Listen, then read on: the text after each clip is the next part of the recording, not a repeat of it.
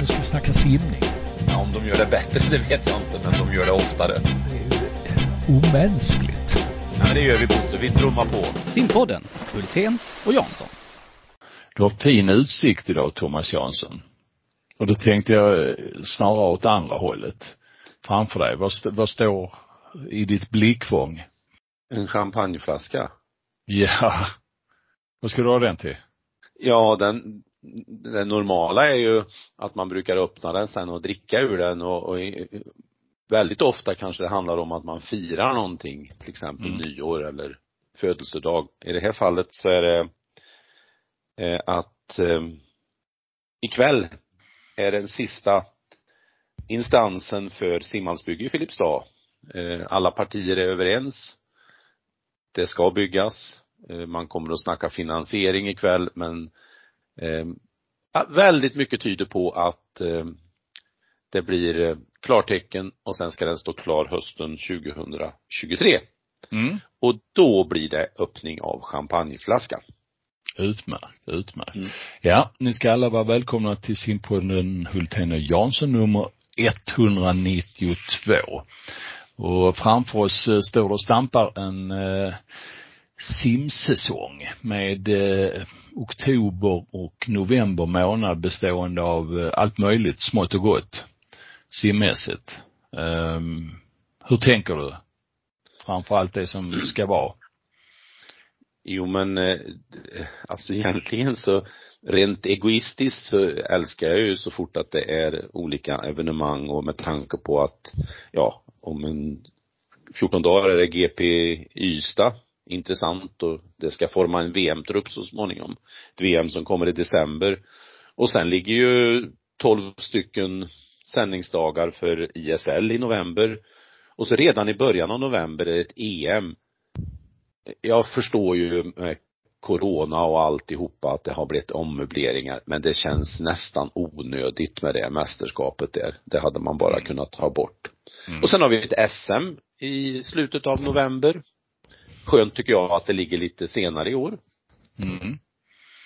Det är bra det. Du, eh, SM har ju haft sina, eh, ska vi säga, förtävlingar redan eh, och det kommer en del framöver här. Bland annat så har det simmats mellansvenska och det är ju ett DM i just Mellansverige med sju olika distrikt. Hur, hur, hur bra är det som ett DM, kan du tycka? Ja, det egentligen borde det ju vara oerhört bra med tanke på om vi tittar på vilka distrikt det handlar om. Sörmland, eh, som ju då har anor och eh, med väldigt många bra simmare. Vi har Dalarna. Vem kommer inte ihåg när Bålänge härjade som allra bäst. Närke. Vi har Värmland. Västmanland, Gästrikland, Uppland, det var sju, jag undrar, ja är det sju eller är det åtta? Men de, de sju i alla fall är med. Eh, så det borgar ju för egentligen att det borde vara oerhört högkvalitativt. Eh, det tyckte jag inte det var faktiskt. Eh, och jag är inte riktigt klar över varför. Sen förstår jag att många ligger i hård träning och är långt ifrån eh, formtopp och så vidare men kanske det som skrämde mig mest var, var de mycket, mycket tunna startfälten på de längre distanserna. Alltså det var en knappt åtta stycken med i vissa utav de där. Eh, och då känns ju det här med det här man har försökt att göra, om man drar, lite kort drar historien. Värmland var, hade ett eget distriktsmästerskap. Sen blev det Värmland-Närke. Sen blev det Värmland-Närke-Västmanland. Och så blev det Värmland, Närke, Västmanland och jag tror Sörmland. I alla fall ett distrikt till. Men egentligen så, så går det något år när man har fyllt på med distrikt som det ser lite hyfsat ut men sen blir det rätt urvattnat ändå och det kan ju vara som så att tävlingen inte behövs. Mm. Så kan det ju vara. En, ja. Mm. Mm. Eh, jag själv då i, om jag tittar på ur ett lilla klubbsperspektiv, eh, trots allt har ju de små klubbarna genom historien bistått med väldigt mycket olympisk glans.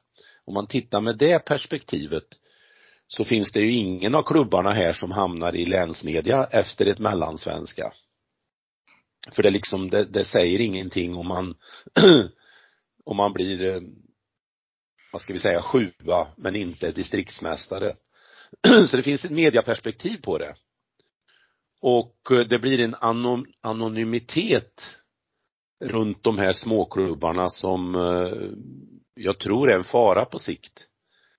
Eh, så det var väl min lilla reflektion när jag skannade igenom och i vissa fall faktiskt följde tävlingarna på live-timingen. Mm.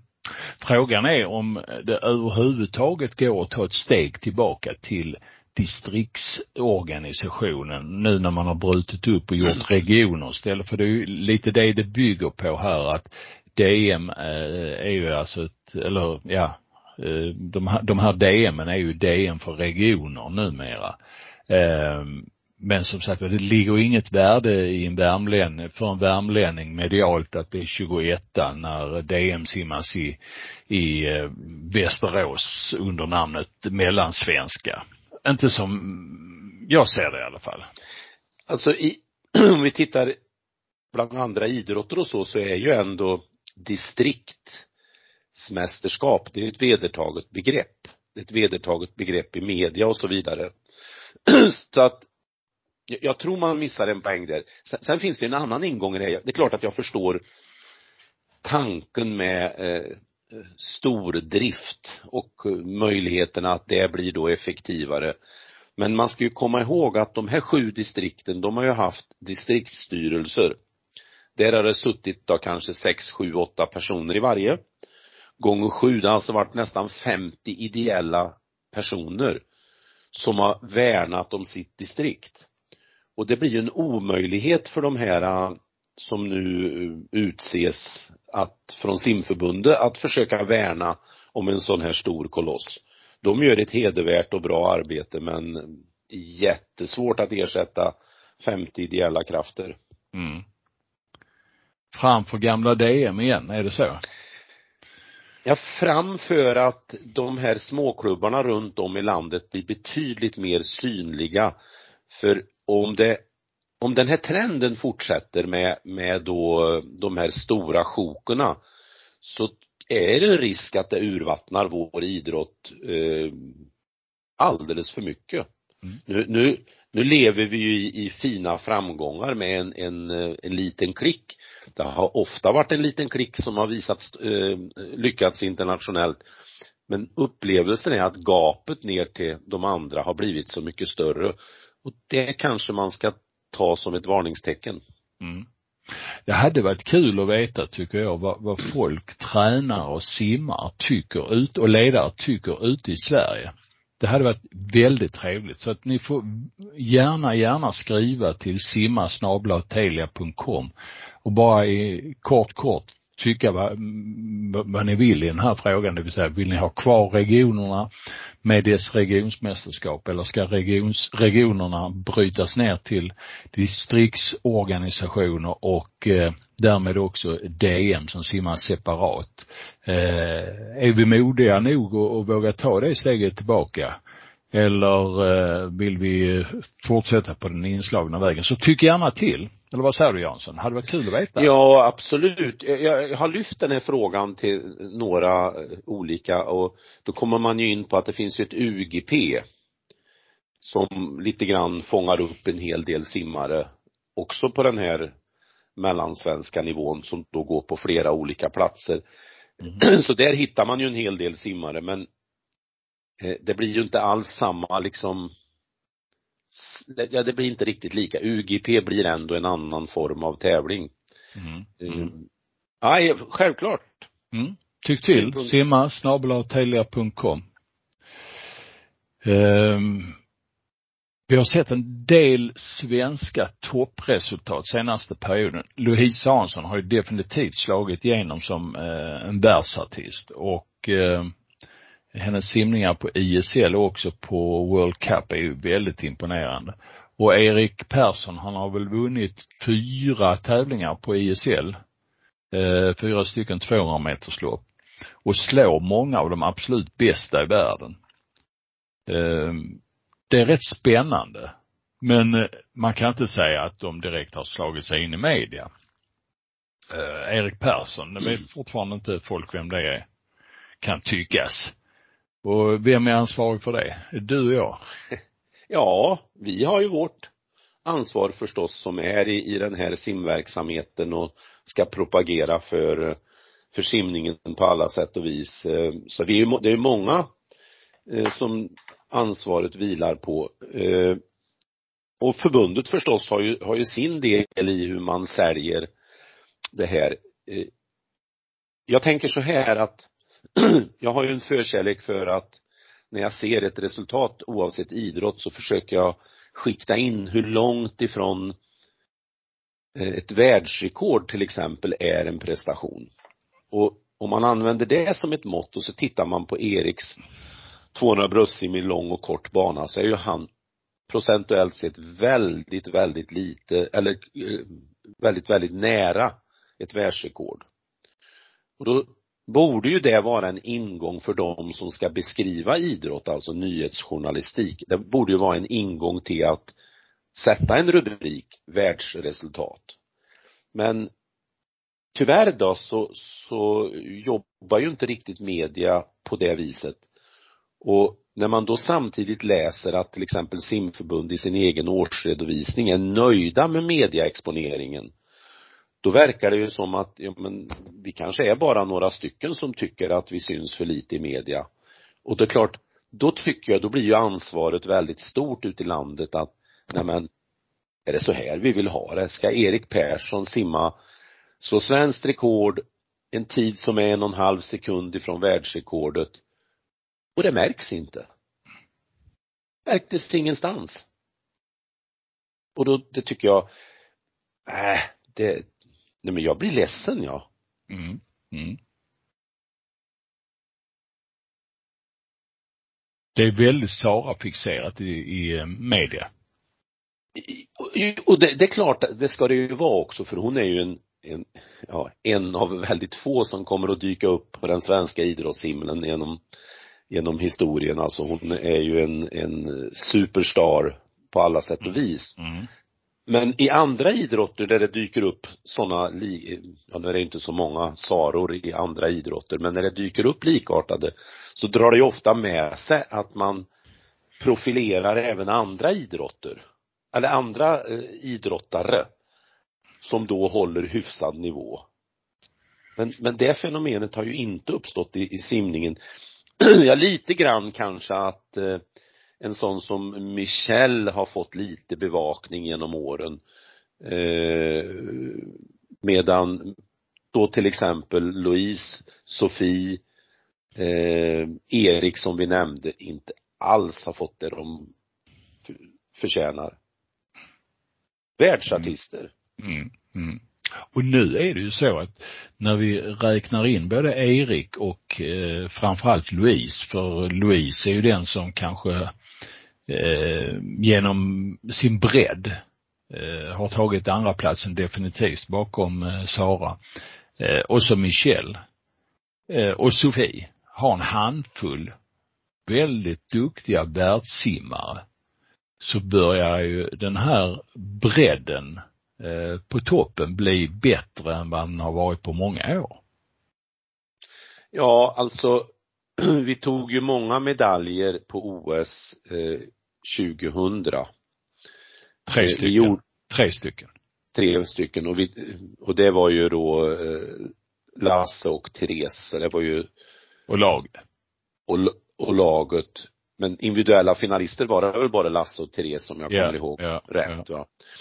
Man får alltså backa till eh, OS 1980 eller till 1972 för att hitta något likartat, att det är fyra, fem som har då eh, final eh.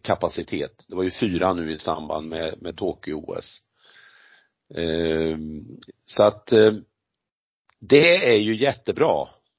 Men det Mm. borde märkas varje dag att det är nedslag och hemma hos-reportage och etc. etc. Mm. De här ska ju försörja sig på det här och då, då är ju mediabiten oerhört viktig. Mm. Ja. Du, eh, ja, det där kan vi snacka hur mycket som helst om. Eh, men vi, vi skulle ju välkomna ännu fler, eller fler, simskribenter och simintresserade. Eh, det är inte speciellt många som skriver simning ute i bygderna direkt, utan man jobbar med TT-material, naturligtvis. Där Göran gör ett bra jobb och följer simningen och sen så Bonnierägda tidningar tar ju DN-materialet från Malin. Och det gör ju att det blir ett ganska snävt inflöde. Det är ju inte så att man på eh, den och den tidningen skriver eh, om eh, simmare, utan man plockar material uppifrån så att säga. Känslan är att har, har Malin semester så är det, då är det ingen, nej då är det ingen simbevakning. Nej. Och nej. Det, det visar ju vårt värde egentligen för att mm. eh, då blir vi ju nedprioriterade helt enkelt. Och och den läxan måste vi ju själv ta i. Det är mm. ju inte Absolut. Tid, alltså tidningarna har väl sin del i att vara lite proffsigare i att kunna värdera en prestation. Men eh, jag skulle ju bli förvånad om jag fick läsa återigen i nästa års redovisning att man är nöjd med medierapporteringen. Mm. Mm. Vi får starta en nyhetsbyrå och skicka ut information. Ja. Ja, varför inte? Du, du och jag har snackat lite om det här med, med eh, ska vi säga, idrottens svans runt eh, lagen, det här med klackar och sånt där. Eh, det har varit några flagranta exempel här eh, senaste perioden när till exempel eh, Rögles supportermarsch till Skånederbyt i hockey mot Malmö Redhawks innebar att man, klacken och det de delar av klacken tjoade om på vägen till arenan eh, har blivit polisanmält. Eh, det är en plattform för eh, allehanda konstigheter kan man tycka, det här med klackarnas marscher. Och vad tycker egentligen klubbarna? Ty, Tycker du att de tar i det här tillräckligt mycket eller? Vågar man inte? Jag tror inte man vill. Jag tror man, det är väldigt många som tycker att det där är en viktig del utav idrotten. Alltså eh, att det är en del av att skapa stämning och, och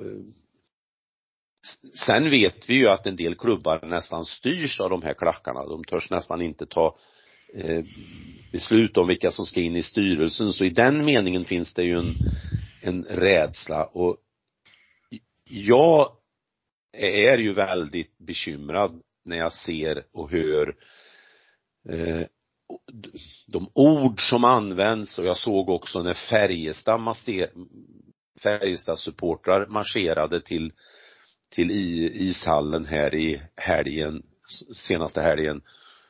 Och det gav ju vibbar av att här kommer ju någon liksom sekt som kommer och går. Det, var ingen god idrottskänsla. Jag behöver ju egentligen inte ha en enda person på en läktare för att njuta av idrottsprestationen. Jag går ju inte dit för att, och, eh, vad ska jag säga, njuta utav att det är massor av andra folk där jag, jag vill ju se idrottsprestationen. Sen förstår jag ju då att många går dit av att det är en happening. Eh, man får reagera lite känslomässigt och så vidare och det, det är väl bra att de som vill får göra det. Men när det går över i det här sektliknande som det är i en del klackar. I fotboll, i ishockey framför allt. Jag har inte sett det nästan på någon annan idrott då, och, och, och så ska vi komma ihåg att många av de här är ju bolagiserade idrottsföreningar där man dels åtnjuter stöd ifrån RF och fick nu massor av stöd under pandemin. Så man är, man lever liksom lite vid sidan av idrottsorganisationen men man ska ha alla godbitar och man tar inte i det här problemet. Eh, jag tror inte man vill. Jag tror inte man ser det som jag ser det. Nej. Nej, det tror inte jag heller att man gör. Utan eh, man, man, man skyller på att det är en minoritet som eh, mm. uttrycker de här känslorna och sedan så Eh, nöjer man sig med det och tar, tar eh, med, eh, fysiskt, alltså verbalt avstånd till det. jag, jag skräms av det. Och sen den här enögdheten, jag skulle ju, det skulle ju vara så intressant att spela upp en till exempel en fotbollsmatch som till exempel något lag har vunnit med 2-0 och så klipper man bort, liksom så man inte vet vilka lag det är och så tar man bort sekvensen när de har gjort mål. Och så ska de som tittar bedöma vilket lag som då eh, var bättre eller sämre. Nu mäter man ju inte i fotboll på det viset. Det spelar ingen roll hur många hörnor man gör eller hur många ribbträffar man har. Det är ju liksom kosmetika. Det är ju resultatet som avgörs. Men det skapar en enögdhet, tror jag, att ha en sån typ av eh, falangverksamhet som egentligen inte främjar idrottsutveckling. Det är verkligen inte min cup of tea som det heter. Mm. Um, det är också ett ämne vi, vi skulle kunna låta rulla vidare men uh, vi kan väl bara konstatera att vi, vi har gjort ett litet statement här. Mm. Och vi, så här tycker vi. Ett ja. annat ämne som vi har diskuterat här eh, väldigt mycket, det är ju gråzonen som norsk eh, skidåkning har befunnit sig i eh, under ett antal år. Man har tänt på gränserna och ibland kommit in i den här gråzonen av eh, användning av eh, substanser och, och eh, produkter runt idrotten som inte är tillåtna. Vi har ju haft de här fallen med, med Sundby och Johaug och deras dopingfrågor. Nu har de fått sällskap av Marit Björgen också. Eh, Björgen, ja. Berätta vad, vad som har hänt, du som har ett eh, fönster mot eh, den norska skidvärlden. Nej men, när man nu håller på och skriver en bok om henne så då eh, offentliggörs det att ett dopingprov 2017 visade på en förbjuden substans. Och gud, nu tappar jag, meta, ja. Och då blev det ju liksom lite kalabalik. Men det blev ju ingen information utåt, i alla fall inte som jag har sett i media någonstans. Eh, sen frias hon då för att eh, man kan göra det i vissa fall om man kan belägga att man har tagit det här för, eh, av menstruations eh, om det var verk eller om det hade med något annat att göra, det vet jag inte. Eh, och, och poängen är kanske inte, tycker jag, just hennes fall eller just Johaugs fall eller just Sundbys, Sundbys fall. Poängen för mig är, för i Sundbys fall, där mörkade man ju nästan fem månader i Norge innan det liksom blev klart som så ledde till att hans avstängning passade bra in i säsongsrytmen. Och lägger vi då till att svenska journalister och så eh, inte tycker att Johaug har varit dopad i den meningen eh, men tycker då på helt annat sätt när det gäller då andra länder. Så summerar man det här så känns det som att frågan är hur eh, hur moralkompassen egentligen ser ut hos oss. Mm. Jag tror inte den är så där eh, stark. Det är bara att titta på en fotbollsmatch och se hur man hyllar någon som filmar sig till en straff. Vilket ju är precis lika tokigt. Det är ju mm. ett, det är ett brott mot uh, regelverket. Uh, så jag blir, jag blir lite betryckt när jag känner att men det är godtyckligt och då börjar jag fundera på hur har vi i våran idrott hanterat när det har varit fall? Vi har ju haft några små historier och så vidare. Har, har, har de också förskönats? Alltså känslan, min känsla är, den, och den kanske då är, är helt bort i tok, men min känsla är att när det sker i vissa västländer och inte någon annanstans i världen, då har vi en mjukare bedömning och har lättare för att fria en fälla. Och det gillar jag inte. Nej, alltså vi, vi, vi ser ju verkligen ner på dopingfall i eh, typ gamla öststaterna och Kina. Eh, det sågar vi längs fotknölarna. Ja. Och det där till och med när det var något fall, jag tror det var Meldonium som sen visade sig att det skulle inte tillhöra er, men de idrottare som föll, eller åkte fast för det, de blev ju liksom moraliskt dömda i efterskott. Mm. En utav SVT-reportrarna, han, han valde ju att inte eh, alltså han, han, hur uttryckte han sig nu, att han mådde illa när han såg någon före detta fuskare i, i tävlingsområdet men kunde sen i samma andemening några år senare hylla Johaug. Det blir inget bra. Jag tycker inte det är nog proffsigt. Mm.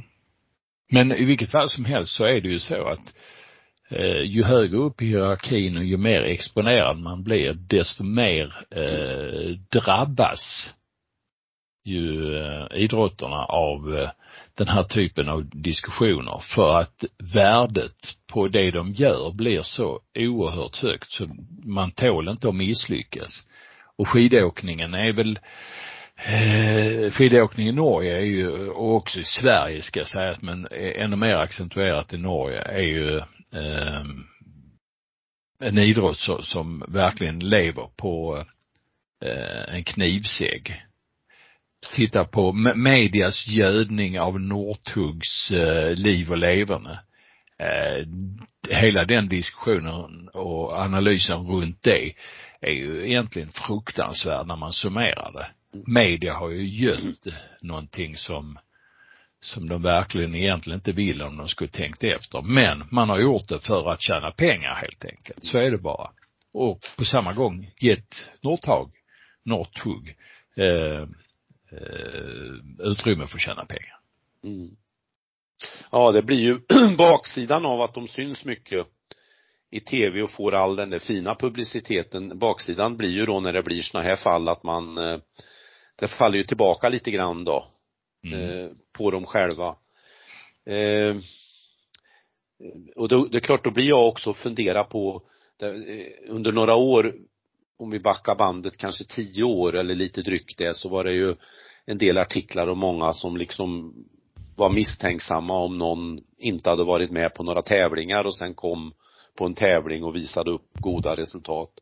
Samtidigt har vi haft egna svenskar som har gjort uppehåll eh, Eh, och haft lite eh, nästan periodiska från eh, där de inte har varit i, i, i träning och så vidare. Då blir man att fundera på hur, hur, hur funkar dopingkontroller och så då?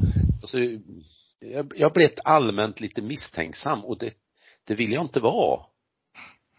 Det, det liksom tar ju lite udden utav det här fina med idrott. Mm. Ja. Du. Har vi mer att snacka om idag? ja, det blev, ja det tycker jag egentligen. Eh, simförbundet har ju börjat sätta ner foten i ärendet 12 år och yngre och idrott. Mm. Eh, och då ska man ju komma ihåg att eh, i, i bak det, det började ju med att barnkonventionen de nya riktlinjerna för den för några år sedan, den pekade ju ut då idrott som ett område som vi måste tänka till, som i sin tur ledde till att RF började att fundera kring hur ska barnidrott se ut om man då klassificerade 12 år och yngre.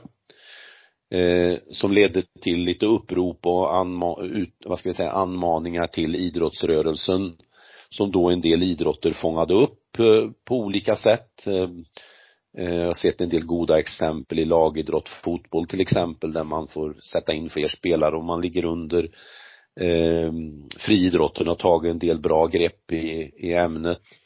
Och nu har simförbundet satt ner foten och eh, har då lite idéer om att eh, om det finns en 12-årsklass på en tävling så ska resultatlistan inte vara i den tidsordning hur, hur fort de simmade.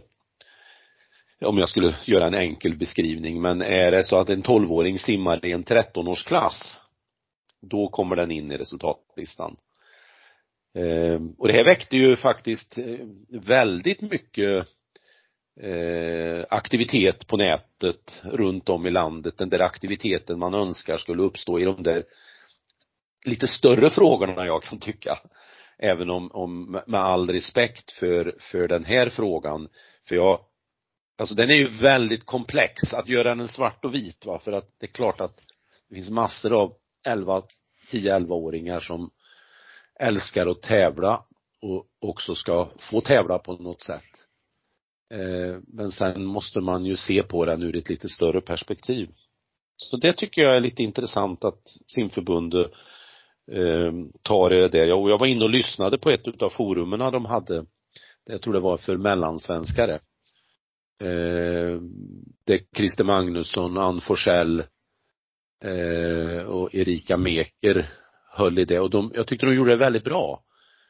Eh, och, och försökte ta in synpunkter och sen förklara på ett, på ett eh, pedagogiskt bra sätt. Jag tror ju inte det här hade uppstått i vår idrott om inte RF hade börjat peka fingrar i frågan. Mm.